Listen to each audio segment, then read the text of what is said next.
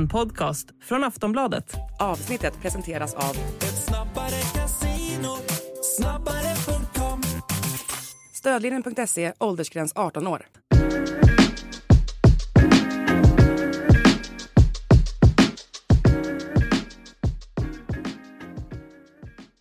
Allsvenska podden är tillbaka den här veckan med mig Daniel Kristoffersson och Per Boman. Eh, Vi ska gå direkt på en intensiv omgång som avslutades i måndags.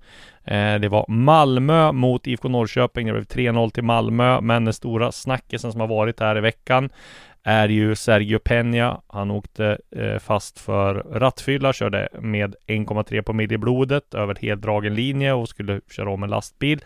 Eh, och har, ehm, ja, är åtalad för det och Eh, man vet inte vad han får för straff. Men Malmö var det i alla fall och, eh, och straffa honom internt. Exakt vad det innebär vet vi inte. Eh, men han fick i alla fall spela matchen mot IFK Norrköping och där det har blivit en liksom ett hett diskussionsämne om det var rätt och fel eller om att han skulle spela mot IFK Norrköping där så där tätt inpå det hade kommit fram det här med, med rattfyllan. Vad säger du Boman, rätt eller fel att han spelade? Ja, jättesvår fråga givetvis. Eh, och, och eh, det är... Eh, ja, jag, jag har respekt för alla som tycker att det var för jävligt att han, att han fick, eh, fick spela. Eh, jag landade i att jag förstår att Malmö lät honom spela, att eh, jag kan köpa att Malmö beter sig som vilken arbetsgivare som helst eh, i Sverige hade gjort med en, med en anställd som gör den typen av brott. Och då tror jag att i nästan alla, i väldigt hög utsträckning så får personen i fråga jobba vidare som vanligt då Mm. i väntan på, i väntan på hur rättsväsendet liksom dömer personen i fråga så att säga, så, så, så får man jobba vidare. Och jag tror också att det är, i grunden är bra för eventuell rehabilitering och så vidare om man får vara kvar på sin arbetsplats, om man får Givetvis så ska man förklara sig, berätta varför man har gjort det här nästan oförlåtliga och, och, och, ehm, och, eh, och stå till svars för det helt enkelt. Men sen tror jag att det är, jag menar, grunden måste ju, måste ju vara att man inte vill att den här människan ska göra samma sak igen. Att han ska lära sig någonting av det. Eh, Och då tror jag att det är bra att man får vara kvar i sin vanliga miljö och, och träna och spela matcher och, och helt enkelt, jag tror att det skulle hjälpa eh, någon typ av re- rehabilitering. Så rent Mm. principiellt förstår jag att Malmö behandlar, behandlar honom som, som vilken arbetsgivare som helst skulle behandla en person som hamnade i den typen av problem. Sen förstår jag att det ger en väldigt stor pub- publicitetsskada till Malmö, men det, Mm. det får de väl acceptera då. Ja, jag är inne på, på samma spår där. Eh, eh, kanske så hade man kanske låtit honom stå över den här matchen mot Norrköping med tanke på att det var så tätt på. Det tror jag att man hade tjänat på, men jag är helt inne på, på din linje också. Eh, där som däremot är konstigt tycker jag, det är ju att Martin Olsson blev avstängd för att vi upprepade, till, upprepade tillfällen kommer för sent till träningen och fick inte vara med. Eh, och att Penja inte stängs av nu då för att han har kört rattfull. Det är ju där diskussionen och där det blir skevt. Men där menar många på att ja, men Olsson bröt mot lagets regler och mot spelartruppens eh, liksom regler som de har och då liksom ville man markera gentemot spelarna att det här inte var okej. Här är det mer klubben som har agerat. Hur ser du på, liksom, på ett sånt resonemang? Ja, precis. Eh, nej, men jag tycker man måste väl kunna eh, se på de sakerna separat liksom. Jag är inte säker på att jag tycker det var rätt att stänga av, alltså Olsson liksom från början kanske. Men jag, jag väljer liksom att bedöma Peña-fallet i, för sig själv liksom. Jag tycker man, oavsett om det var rätt eller fel att göra så mot Olsson, så tycker jag man måste kunna bedöma, bedöma Pen, det som de gjorde mot Peña i sin egen rätt liksom. Och jag, jag har hört många som säger, säger som du, att man, man borde låta honom vila en vecka i alla fall för att eh, det, det, det ser för illa ut om man spelar direkt. Men jag har tänkt mycket på det och jag menar brottet är ju inte är ju inte mindre avskyvärt om en vecka Nej, absolut eller två veckor Nej, utan då nej. blir det ju någonting man gör. Jag är menar på signalerna man skickar kanske mot sponsorer och sådär. Jag menar på, Absolut. kanske inne på det. Ja, jag hör, jag förstår, jag förstår Ja. vad du menar men jag tycker på något sätt nästan man kanske måste bestämma sig om det är så att man tycker att en spelare, om en spelare gör den här typen av brott, alltså grov rattfylla, då kan man inte representera en allsvensk förening, då ska man bryta kontraktet liksom. Mm. Det, det, kan, det är en linje som ändå är tydlig, då, det kan jag förstå, men jag tycker det är svårare då om man skulle så att säga småstraffa någon, arbetsbefria någon under en viss period bara liksom så att Mm. säga. Men, ja, jag vet inte, det är skitsvårt. Nej, det är skitsvårt. Och det, bara den som är, om det är någon som är självsäker kring hur man ska göra kring de här, kring de här eh, typen av problem Jag så eh, är, då är man nog självgod så att säga. Sen eh, kan det ju kanske vara en diskussion också. Eh, det har kanske lite att göra med för ett år sedan kanske det var lättare att stänga av Penja när han inte var så pass bra som han är. Martin Olsson kanske var lättare att stänga av fast han inte var, var liksom en startspelare. Det finns ju en diskussion där också. Men eh, spelade gjorde han eh, och man får säga att han gjorde det hyfsat bra. Eh, det gjorde även Isak Kiese och eh, ehm, eh, Taha Ali som gjorde väldigt bra prestationer och hela liksom Malmös lag är ju eh, har ju kommit igång rejält. Jag tänker på framförallt en så, sådana som Bussanello och Cornelius som, eh, Mm. som ser ut som riktiga fyndvärvningar. Vad, eh, ja vad säger vi då? Det var ju en rätt klar eh, och eh, övertygande seger Malmö tog. Ja, nej men jag landar väl att jag tycker att, eh, att Malmö visar eh, eh, att de, eh, ja men det de visar i den här matchen är det bästa de har gjort den här säsongen tycker jag. Eh, Mm. inklusive försäsongen och, och cupspelet. Att de, det, det är en tydlig positiv utveckling mot högre och högre nivåer. Jag skrev om det i min slutjournalskrönika, att till exempel mot Blåvitt kunde man dominera i, i, i, i sekvenser av matchen liksom, men kanske inte eh, i, i långa, långa sjok. Nu mot Norrköping visar man att man kan totaldominera och, och eh, ett lag till underkastelse, alltså Norrköping då, över en hel halvlek. Och det tycker jag var liksom ett tydligt tecken på en, på en, eh, på en, eh, på en tydlig utveckling. Mm. Och så håller jag med dig om att de har lyckats väldigt bra med, med framförallt alltså nu kommer ju Tahali och Vecchia också vara givetvis väldigt bra under året, men det är ju Cornelius och Bussanello som ser väldigt, väldigt, väldigt, väldigt, väldigt bra ut än så länge. Tahalis sulfint där på Mm. Oskar Jansson var ju ruggigt vass. Ja men det är kul att eh, det är ju liksom Killen har ju eh, Han är ju ingen avslutare men om man, om man nu kan finta in bollen hela vägen i mål så eh, försvinner ju det problemet lite. Det känns ju mer och mer som att eh, Henrik Rydström visste exakt hur han skulle användas. Han visste exakt vad han fick. För många, jag kommer ihåg när jag avslöjade den här övergången att det var många som var kritiska. Och då, jag menar, vad ska han göra? Han har inte gjort något speciellt mycket i Helsingborg. Men jag tycker ändå att Rydström visste precis vad han fick. Han, han, han, jag tycker han har gjort det väldigt bra hittills. Även fast det har varit så här att ja, men han har blivit utbytt i paus någon gång. Eller väldigt tidigt i alla fall. När Rydström inte menar på att han tog hem jobbet. Men jag tycker ändå att hans offensiva kvaliteter kändes det som att Rydström visste att han skulle få mer användning av ett Malmö som spelar väldigt mer framåtlutat än vad ett eh, Helsingborg under till exempel Olof Mellberg och Jörgen Lennartsson gjorde. Ja precis, nej men jag känner absolut att, alltså jag tänkte också att det är klart att om, no- om några kan om man kan förlösas fullt ut i någon miljö så är det ju i, i Malmö FF givetvis under Henrik Rydström. Det jag vände mig emot lite var väl kanske att jag hade varit mycket mer imponerad om Malmö hade tagit honom direkt från VSK Ja, till exakt. exempel. Ja, det förstår jag, om, ja. om, man, om man hade liksom, för då hade det varit billigare dessutom Ja. och, och han var ungefär lika bra då som han var något år senare. Så att jag känner, jag känner väl med det att jag absolut att man kan se att han, att han skulle kunna explodera i Malmö. Jag tycker bara inte att det är särskilt imponerande affär att lägga runt 10 miljoner för att ha Ali Nej. nu liksom. För alla vet ju vem fan det är och Ja, ungefär hur han är som spelare. Men eh, också Isak Kiese fortsätter att ösa in mål. Eh, känns ju kanske inte som han har avgjort skytteligan än, men han ligger väldigt bra till för att vinna den med en sån här start och Ja, vad är det som ska stoppa Malmö egentligen? Är det skador på nyckelspelare? Är det att de liksom underskattar motstånd? För nu känns det som de bara kör över allting.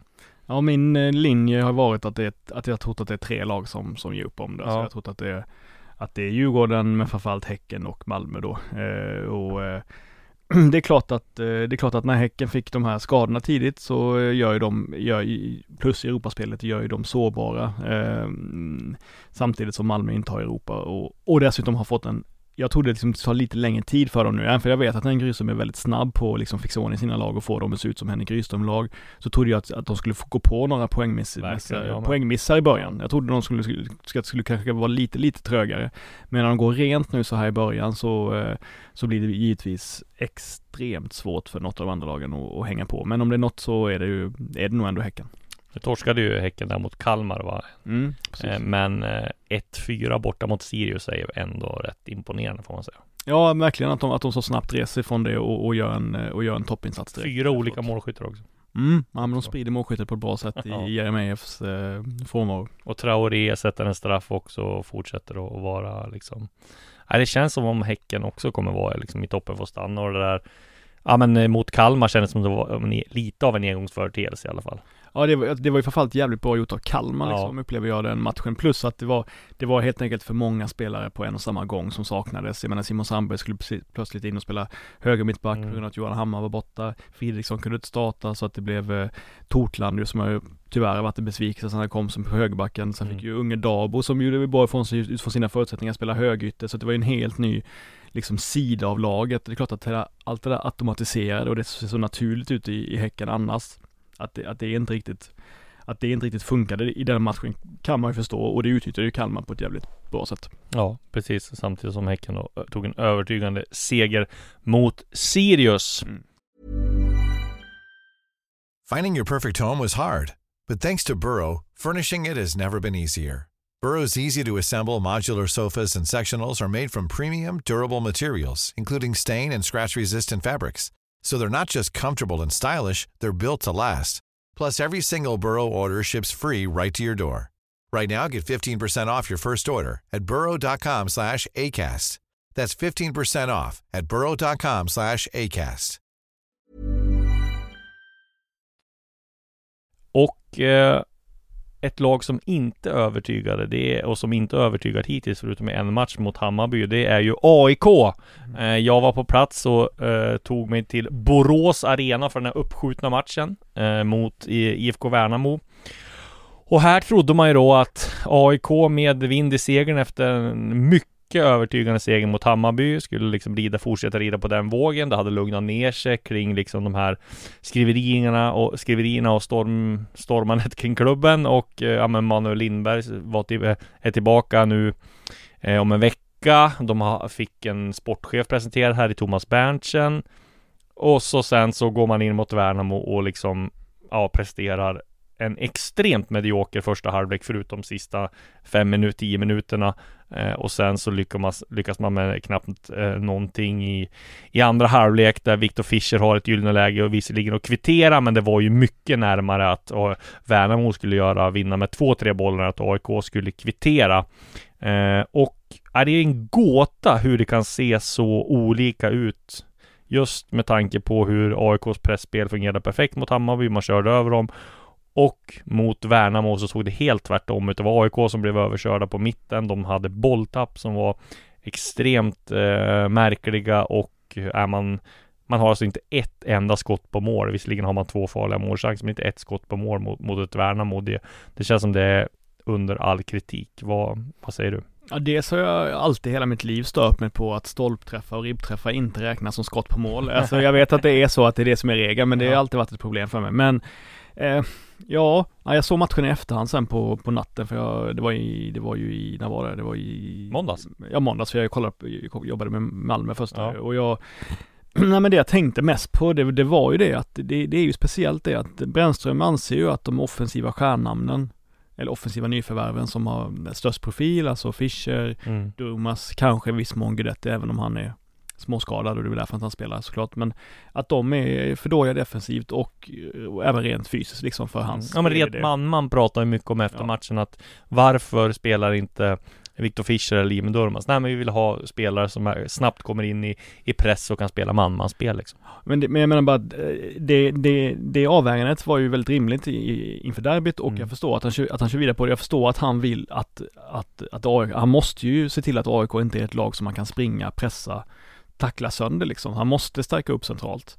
Och såklart, och, och det draget då som var så lyckat mot, eh, mot eh, Bayern blev givetvis delvis en black om foten mot, mot Värnamo då Mm. när eh, Ja men jag såg till exempel när jag kollade på matchen så hörde jag att Johan Arning ofta pratade om att Robin Tii inte vände om liksom när han får bollen liksom. Det blir inget flöde för han spelar ofta tillbaka på ett tillslag eller han blir för omständig, han är inte van, han, han, är inte naturlig i den, i den, i den positionen liksom. Och det måste man ju, det måste man ju förstå, man kan inte kräva det av honom givetvis. Absolut. Men, men den styrkan då, styrkan att man tätar igen blir givetvis en svaghet då när man blir torftig offensivt, Ja. vilket man blev i, i den matchen. Jag tycker väl att, jag tycker fortfarande att det är helt rimligt att, att, eh, att eh, Durmaz, Durmaz inte spelade i den matchen, även för han såg ganska pigg ut som hoppade in. Däremot så kände jag kanske lite att en sån som Fischer, eh, jag, jag förstår att man kan låta, Durmaz kan jag förstå att eh, man kan hålla honom vid sidan och det kanske inte gör jättemycket om han blir besviken. Däremot så tycker jag det kanske är dumt att en sån spelare som Fischer som jag fortfarande tror kan vara helt dominant i Allsvenskan, att han, att, att, man, att man får honom på dåligt humör eller att han inte känner sig sedd riktigt. Det, det tror jag är ett större problem. Eh, men visst, till var ju bra i derbyt. Man vill kanske behålla honom på planen då givetvis, men där kan man väl, om man ska vara efterklok, kan man känna att, att, åtminstone Fischer borde kunna, måste eller bör spelas in i laget.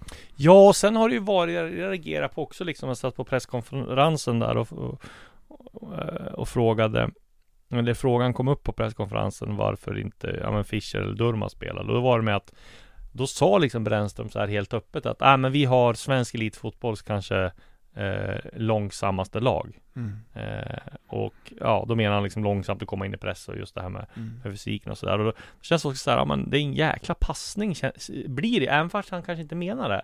Så är det ju många som, ja men nu ger en passning att få för dåligt lagbygge, vi är för långsamma spelare, vi måste ändra om till sommaren. Samma sak när, när du intervjuade honom om eh, Dabo där. Eh, Så var det ju samma sak där att, eh, ja men eh, han håller inte Allsvenskan. Det är liksom också sådana där passningar till, till lagbygget. Det känns som att Ja, jag vet inte om det är medvetet för att han vill ha liksom in förändring i sommar eller om det är liksom omedvetet. Han är bara helt ärlig. Ja, men jag, jag gillar ju grunden, alltså generellt sett gillar man ju att en tränare tar, Ja, Det berättar man. öppet hur det ligger till, Ja. eh, är rak på sak och, Ja. och är tydlig liksom. Det, Mm. det är ju en av Brännströms stora styrkor såklart. Men när resultaten går emot som det gör nu så, så, så, eh, så eh, jag sitter och funderar på om det var liksom för just det här med frågan om det här, det här med att prata om långsamma spelare. Alltså det är ju uppenbart att, att eh, för alla som har följt AIK att, att Brännström inte tycker att det har skötts skitbra liksom med rekryteringen under vintern Nej. liksom. Och det, att, att det har, Att han vill ha mer att säga till om, vilket han kommer få nu under Berntsen. Precis, precis. Och, det, och jag delar ju den uppfattningen Ja. fullt ut liksom. Eh, eh, men det känner ju alla till lite numera, både internt och externt. Ja, Men, eh, men det är klart, är det så att han helt enkelt tycker att man saknar speed i laget, därför kan jag inte spela dem, då väljer jag nog ändå, då väljer jag nog ändå att och, och vara generös här. Att jag tycker att det är, det är väl bra att han säger, Ja, ja, säger som det liksom. Jag tycker också det är bra att han är frispråkig, men jag menar bara vad gör det mot gruppen när Nej, så är det. liksom, det är det jag menar. De ser Ja. också hans ut om är vi för långsamma, bla bla bla. Så tror jag att det kan vara lite, eh, ja vad ska man säga? Ja, att de kan ta illa vid sig, vissa spelare. Det är Men, men. absolut, det är absolut eh, mycket möjligt.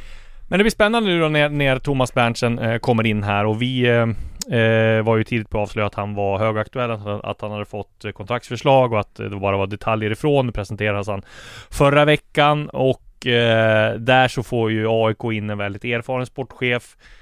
Han har tidigare haft ett upplägg där han har liksom fått provision på, på värvningarna och Mhm. fått liksom provision där han har sålt. Det har gjort att kanske eh, varit lite i Norge där de skrev lite grann om att ja, men han kanske har sålt spelare för tidigt och så här. Jag, jag gissar att den lösningen finns inte i AIK, men däremot var det lite konstigt att han skulle bo kvar i, i Norge. Va? Eller? Det var lite svårt att, ja exakt, jag tolkade det, det var lite svårt att tolka, jag fick ändå intrycket att han, att han, han kommer flytta till, han kommer Ja. vara länge period. Är en när, han får, när han får en bra lägenhet och så vidare Ja. i Stockholm, även att det Mm. var, kändes lite osäkert om han skulle köpa en lägenhet eller inte. Jag tänkte på, man vet inte hur länge man blir kvar och så vidare. Nej. Men det är klart att jag, det är klart Att det är nog ingen mening att köpa en ju- ju- villa Djursholm för Nej. 20 millar. Nej, nej men, det, det, men det, det är klart att man, det är klart att han bor, att det bästa är om man, om man eh, på daglig basis är runt Ja. klubben. Men det jag var nyfiken på, det du sa där med att få provision och så Mm. på försäljningar, det existerar det i Allsvenskan som koncept? Nej men ja, det, det har väl funnits, alltså Bosse och, och, och, och väl pratat om det väldigt mycket, Bosse Andersson.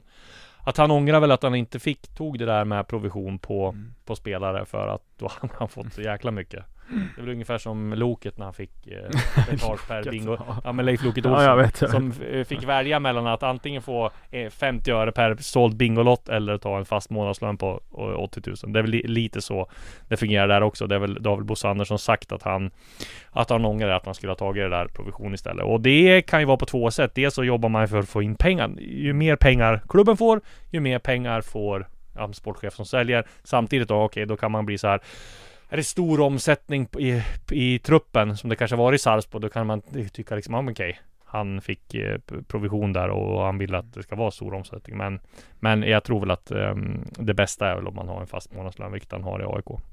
Så det blir spännande att se. Jag tror väl att AIK behöver, han verkar ju stabil och sådär, men ja. Verkar oerhört omtyckt av alla, Ja men alla, alla man pratar med. Jag pratar med Jocke Björklund och pratar med Mikael Stare och alla hyllar ju honom sådär. Så att han verkar ju väldigt, väldigt, en väldigt bra person. Sen är det klart, det är samma sak som när Manuel Lindberg kommer in från BP till AIK. Det är ju helt annorlunda. Och komma från Sarpsborg som är en liten familjär klubb. Eh, de har många ideella eh, arbetare där liksom. Och det finns ju inte alls samma tryck, eh, supporterskap och sådär kring Sarpsborg. Det blir en helt annan eh, utomstående parameter som man kommer få ta hänsyn till. Och det blir spännande att se om man tittar på sportcheferna som AIK har haft nu de senaste ja, men 20-25 åren så är det väl Stefan Söderberg, eh, Ola Andersson, Jens Björn Westström, Jens T Andersson och Henrik, eh, Henrik Jurelius och Manuel. Manuel Lindberg. Det är ju de som har lyckats har ju varit, det är ju liksom Det är utländsk och komma utifrån. Det är, det är tufft. Men det jag tänker på, som jag typ reagerade lite extra då, smålog lite åt, det var ju det här citatet från Berntsen då när han blev klar, så sa han ju jag är ingen cirkus, cirkusdirektör och kräver ingen stor uppmärksamhet. Det kändes ju inte som Då en... var det en passning, alla Ja, det- det var en passning till eh, Manuel Lindberg. Ja, det är svårt att tolka det på ett annat sätt. Sen var det säkert inte, Nej, det sä, jag säkert inte Han medvetet. men- börjar väl inte med att och liksom skicka en passning till sin, till sin chef. Nej, men- det hade varit dumt. Men, men man kan väl säga att alla, alla utifrån, eh, man tänker ju direkt på, Ja. eh, på det i alla fall. Ja, det tror jag inte. Eh, det var, men ja, det blir spännande att- följa Berns och framförallt så kommer han ju få, det finns ju väldigt mycket eh, eh saker att ta tag i i AIK. Jag menar Bilal sitter på utgående kontrakt, eh, Halit utgående kontrakt, Sott utgående kontrakt, Tihi. Alltså Bilal Hussein måste man ju sälja om man ska få pengar för annars kommer man spela ut kontraktet. Eh, Vincent Tills lån går ut också, det tror jag man knappast man förlänger. Eh, så att det finns ju en del eh, att ta tag i och vad ska man värva in? Man måste in en sexa känns det som, även om Keita, är- Keita är tillbaka. Så måste man ha in en, en sexa till så att eh, han har att göra. Känns det som. Meet 2024's most anticipated robot vacuum, Eufy X10 Pro Omni. With powerful 8000 PA suction and MopMaster's dual mop pads, it keeps your floor sparkling clean. It's the winner of five Best of CES awards, and Digital Trends says it boasts almost all the same features as robot vacuums that cost twice as much. Want to know more? Go to eufy.com, that's EUFY.com, and discover X10 Pro Omni, the best in class all in one robot vacuum for only $799. Eh, och torsken av det är bara hylla Värnamo såklart. Eh, Kim Hellberg sa det på presskonferensen att vi hade satt, ställt väldigt mycket frågor till till eh, just Andreas Brännström då. Sen bara, va? Ingen, ingen fråga om Värnamo efter, efter de här 60 minuterna vi har gjort. Men sen så kom det ju såklart frågor om, om Värnamo också. Det var ju ett jättefint mål av Oskar Johansson och jag menar pressspelet, jag menar där om vi pratade om vem som vann tränarmatchen i derbyt mellan Brännström och Cifuentes. Om Brännström vann den med 100-0 så var det nog kanske inte 100 men det var i alla fall 20-0 till Kim Hellberg den här matchen. Ja, nej men det var väl, eh, det var väl en utmärkt insats på alla sätt och vis och, eh, Men det är inte, jag är inte överraskad. Det, är liksom inte, det går liksom inte att vara överraskad för att Värnamo gör bra insats. För att nu, nu var det inte på hemmaplan men Nej. att, att, att Värnamo kan diktera spelet mot, även mot storlagen. Det såg vi vid otaliga tillfällen även förra året. Jag menar Bayern hemma, Ja. Eh, eh, delvis Djurgården hemma. Alltså det var många, många matcher där, där, eh, där, där Värnamo stundtals dominerade mot de så kallade storlagen Mm. på hemmaplan. Så att de har ju de taktiska knepen som gör att deras spelare som i grunden kanske inte håller samma kvalitet som storlagens ändå gör att de som kollektiv är, är, är bättre än, än, än motståndarna. Och jag är liksom jag är imponerad av Imponerad av jävligt många i det laget liksom. Mm. Så att det var kul att se den matchen. Och man gör det med Gustav Engvall som hade skadekänning på bänken och man gör det med Simon Tern som också hade skadekänningar ut, utan de två så att det Ja, och jag tror liksom inte att, och det, jag menar, ja, ja, just eftersom det är ett så eh, välfungerande lag så är inte jag säker på att de eh, liksom över tid kommer, kommer vara givna i det laget. Nej. Nej, ver- verkligen inte, det tror jag inte. Om vi går då till eh, två rätt väntade segrar så var det ju Hammarby som eh, tog en rätt enkel seger mot Varberg. Eh, och sen så var det Djurgården som slog ett krisande IFK Göteborg. Eh, om vi börjar med då med Hammarby seger så var det väl lite av en måste-match får man säga ändå. Det hade nog börjat eh, eh blåsa upp till, inte kanske storm, men i alla fall snårblåst kring Bayern efter, om de hade skulle torska ännu en match då. Men där visade man ju återigen styrka när man vinner mot Varberg och eh, ja, vad, vad, vad säger du om Hammarby? Nej men det var ju eh, det var ju relativt stabilt absolut. Mm. Eh, Jag satt och funderade mycket på vad, vad det var som gjorde att, eh, att, att Hammarby att den här säsongen har varit, ja men klart lite sämre offensivt liksom. Mm. Eh, Och jag funderade på ifall det berodde på att man har sämre kvalitet liksom och mer oprövade namn längst fram. eh, Eller ifall det beror på att Cifuentes byter eh, anfallstrio i varje match. Han byter nästan i varje match. Han har inte, Mm. han har inte spelat samma någon gång under hela gruppspelet eller allsvenskan två matcher i rad. Och det är såklart en, en kombination av det givetvis. Att dels att, att eh, kvaliteten eh, än så länge är, är såklart eh, lägre än vad det var, eh, än det var tidigare år där framme och att de är mer oprövade, men också att de inte har fått någon kontinuitet tillsammans liksom. Så, men det här var ju absolut ett, eh, ett, eh, ett, eh, ett steg, ett steg framåt. Men jag tycker inte man ska dra för stora växlar av den här, av den här segern. Det, det, det, det vinst hemma mot, mot Varberg som aldrig nästan då, ja, de slog väl Djurgården där för två år sedan borta, Eh, men i princip aldrig tar poäng i Stockholm. Det, det, det tycker jag eh, man kan kräva av Hammarby. Så att eh, vi får, jag tycker man får återkomma till, efter bortamatchen mot Malmö nu och se ifall, se ifall eh, vad de egentligen står. Mm. Eh, Fenger var tillbaka. Då håller man nollan i försvaret. Djukanovic eh, startade också, gjorde mål. Välbehövligt för honom. Mikkelsen då har det varit en del frågetecken kring. Mm. Ja, där tycker jag man måste ha tålamod också. Precis, kom in i det helt fel, skadad. Nu är han med och liksom ska spela. Måste ge han typ 8-10 matcher. Vi såg hur det var med Tankovic och Kasaniklic och allihopa här. Så att jag tycker det är fel att liksom bara gå på honom helt. Eh, som jag har sett många på sociala medier gör. Eh, där får man nog ge han tid. Han kan, kan nog bli bra. Sen finns det såklart frågetecken kring om hur det är att spela i, i eh, Norge kontra hur det är Hammarby med trycket kring och pressen och vinna titlar och sådär. Och det är klart att han, eh, det, det är sånt som han måste liksom klara av. Ja, matchen senast var ett litet steg framåt, jag Ja. tycker jag absolut. Eh, Inte bara att han spelar fram till självmålet eller så, utan Nej. han såg, han såg mer aktiv ut och lite mer rejäl ut och Mm. tog för sig på ett annat sätt. Men eh, det är intressant det med, med mixen. Jag håller med dig att man ska absolut inte döma ut någon så här i- i- idiotiskt gör det. Men, men däremot så får man ändå säga att så som Elias Hagan, som väl kostade hälften så mycket som Mickelsen får man Mm. tippa på ungefär. Han har ju fått en hel del, eh, alltså man får ju säga, han, han har ju fått en hel del mycket mer kritik än så länge. Ja. Mickelsen, Mickelsen har ju haft en ganska skyddad Ja, jag att det var, i jämförelse, för Ja. att, just för att Hagen är den stora stjärnan i ett, ja, i ett krisande Blåvitt medan Mikkelsen kanske man ändå inte väntar sig så mycket av än Nej, och ska att han har varit liksom. skadad och missat en del matcher. Så är det ju, jag så är det givetvis. Så är det givetvis. Men om vi går till IFK Göteborg där eh, man får säga att haveriet fortsätter. Eh, Djurgården vann med 1-0. Ja, det var Blåvitt var, var väl knappt nära att göra mål eller? Eh, Eh. de hade väl ett par De hade ett friläge Nej, med ja. Elias Hagen och eh, en möjlighet för Berg där inte han får med sig bollen. Exakt, ett par lägen där. Men, men eh, Djurgården borde ju ha gjort, om man tittar på avslut och skott på mål så var det ju total överlägset, eh, överlägsenhet. Och eh, sen eh, skrev GP bland annat om att det var ett missnöje med Håkan Mild och det här var en liten rolig formulering där han sa det var någon anonym där i artikeln som uttalade som att Håkan Mild, eh, eh, vad hette det, eh, ägnade sig för mycket åt herrlaget. Och Mm. Man kan ju tänka sig att om en klubbdirektör när IFK Göteborg inte har vunnit och inte har gjort ett mål på fyra, fem matcher att ja, men kan vara så att han kanske bör ägna lite mer åt, åt herrlaget ändå kanske då.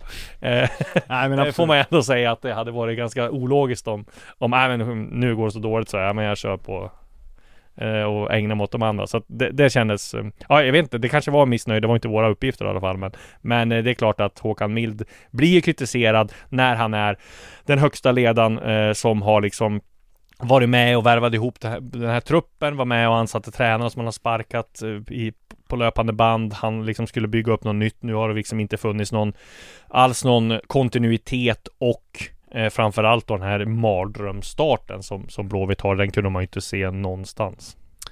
Nej precis, jag trodde att de skulle vara eh, mediokra men inte såklart inte att de skulle gå eh, lottlösa efter fyra omgångar. Sen Nej. så finns det väl en det, alltså, Problemet är att man kan ju tro att de är, att de är hyfsat stabila defensivt så de släpper bara in ett mål men Djurgården har alltså Ja, groteskt, groteskt många möjligheter. att eh, Oliver Berg inte gör mål i den matchen är Ja. konstigt.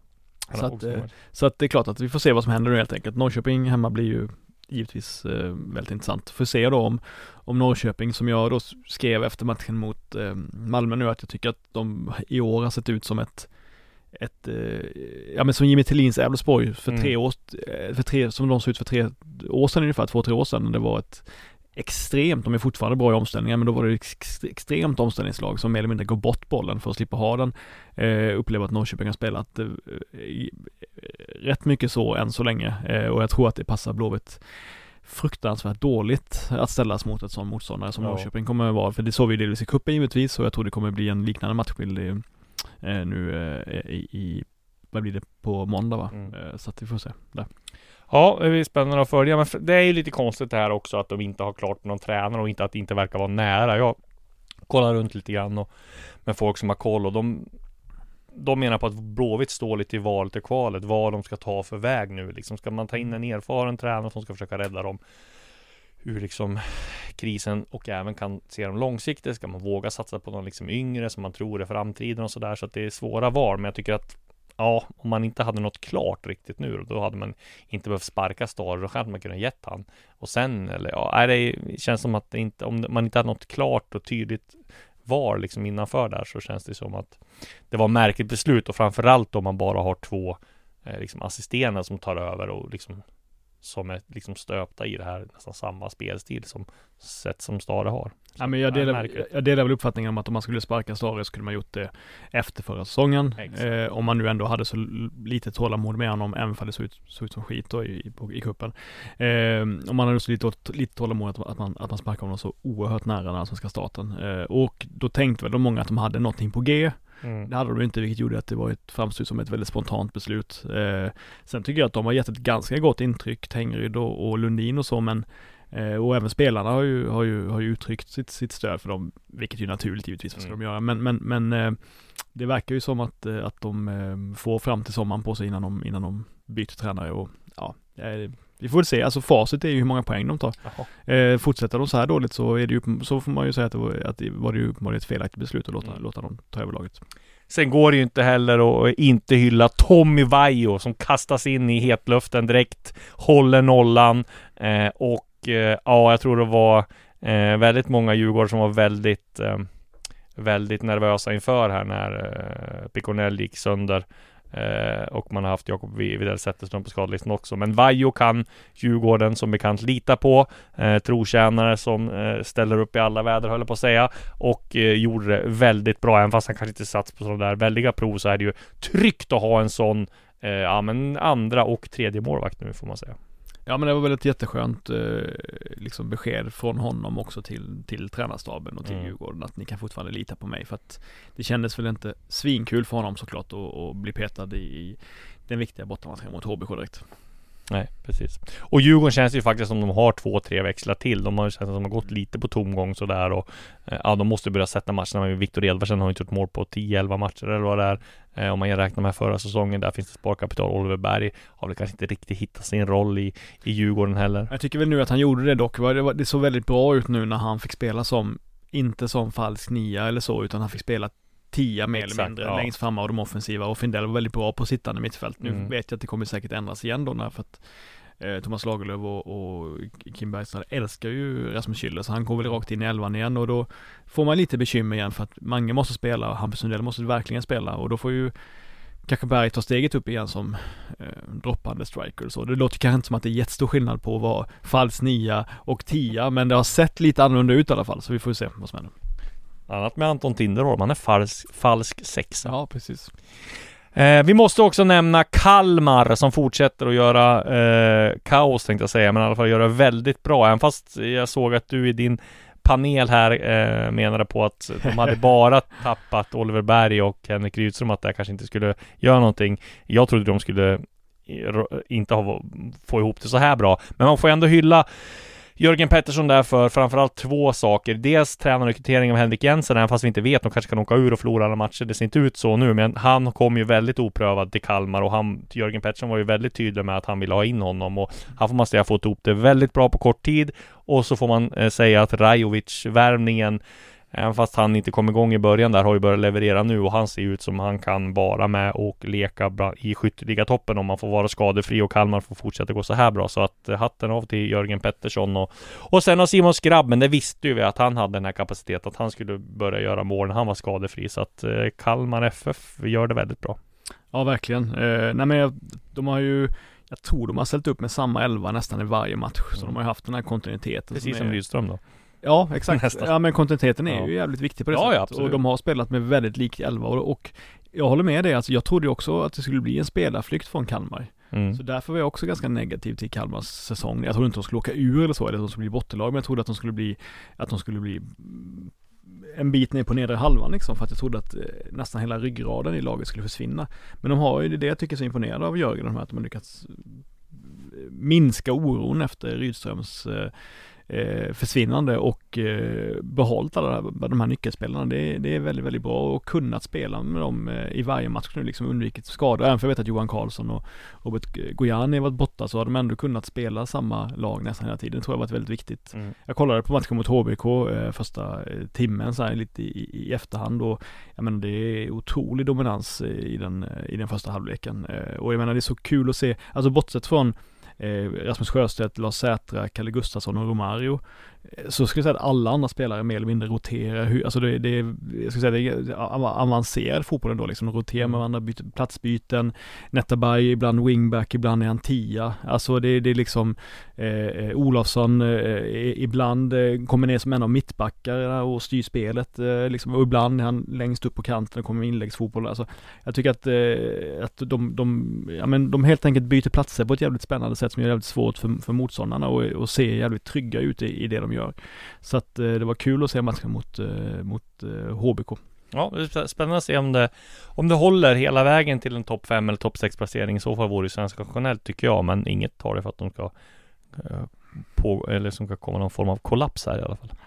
Till sist då, Brommapojkarna och Olof Mellberg tar sin eh, första seger i Allsvenskan. 2-0 eh, hemma mot Mjällby. Ganska överraskande får man säga ändå med tanke på hur Brommapojkarna sett ut tidigare, även fast de har fått med sig en del, eh, eller gott resultat, eh, en del resultat emot sig. då. De hade ju väldigt otur där mot Malmö där de var det bättre laget. Men Oskar Pettersson gör mål nionde minuten, Nikola Vasic gör 2-0 i 74 och Ja, de gör en stabil insats bakåt där de håller nollan tror jag var viktigt för dem med tanke på hur många mål de har släppt in och ja, det var väl en lättnad Olof Mellberg där som har fått en del kritik för att han var iväg och eh, kommenterade Champions League istället för att koncentrera sig på träningen där så att jag tror att det var väldigt välbehövligt både för BP och och eh, Olof Mellberg eh, att de började vinna och framförallt så lämnar de ju eller de nu Göteborg i botten där. Nu är det bara IFK Göteborg som har nolla i i segerkolumnen eh, där BP har tre, Sirius har tre, AIK har tre, Degerfors har tre och Varberg har tre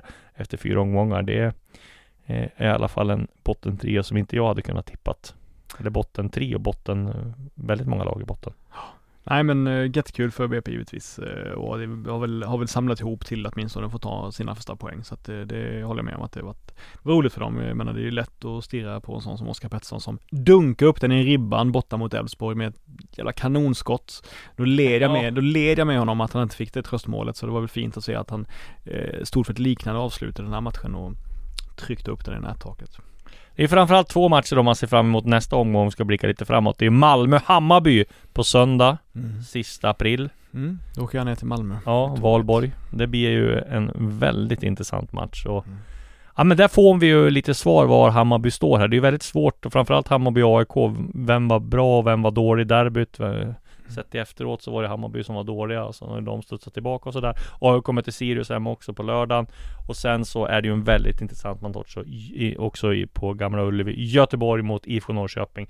Och där får vi också en fingervisning om lite vart, vart Norrköping och Göteborg står. Absolut. Ja men tänk på det med Bayern och, och, och Malmö. Jag vet folk kanske är trötta på den typen av snack om sviter och så, men det är väl lite pikant ändå tror jag att att Hammarby inte har vunnit borta mot Malmö sedan 2008. Sen vet jag att det är ett antal superettan-år däremellan givetvis, men det har ändå varit en ganska många år i Allsvenskan också under den perioden, så att eh, det är en, eh, det är ju givetvis den svåraste, svåraste tänkbara matchen för, för Hammarby. Och med det så tackar vi för den här veckan. Vi är tillbaka nästa vecka med ett fullmatat allsvenska podden. På återseende. Du har lyssnat på en podcast från Aftonbladet. Ansvarig utgivare är Lena K Samuelsson. Meet 2024's most anticipated robot vacuum, Eufy X10 Pro Omni. With powerful 8000 PA suction and MopMaster's dual mop pads, it keeps your floor sparkling clean. It's the winner of five Best of CES awards, and Digital Trends says it boasts almost all the same features as robot vacuums that cost twice as much. Want to know more? Go to eufy.com, that's EUFY.com, and discover X10 Pro Omni, the best in class all in one robot vacuum for only $799.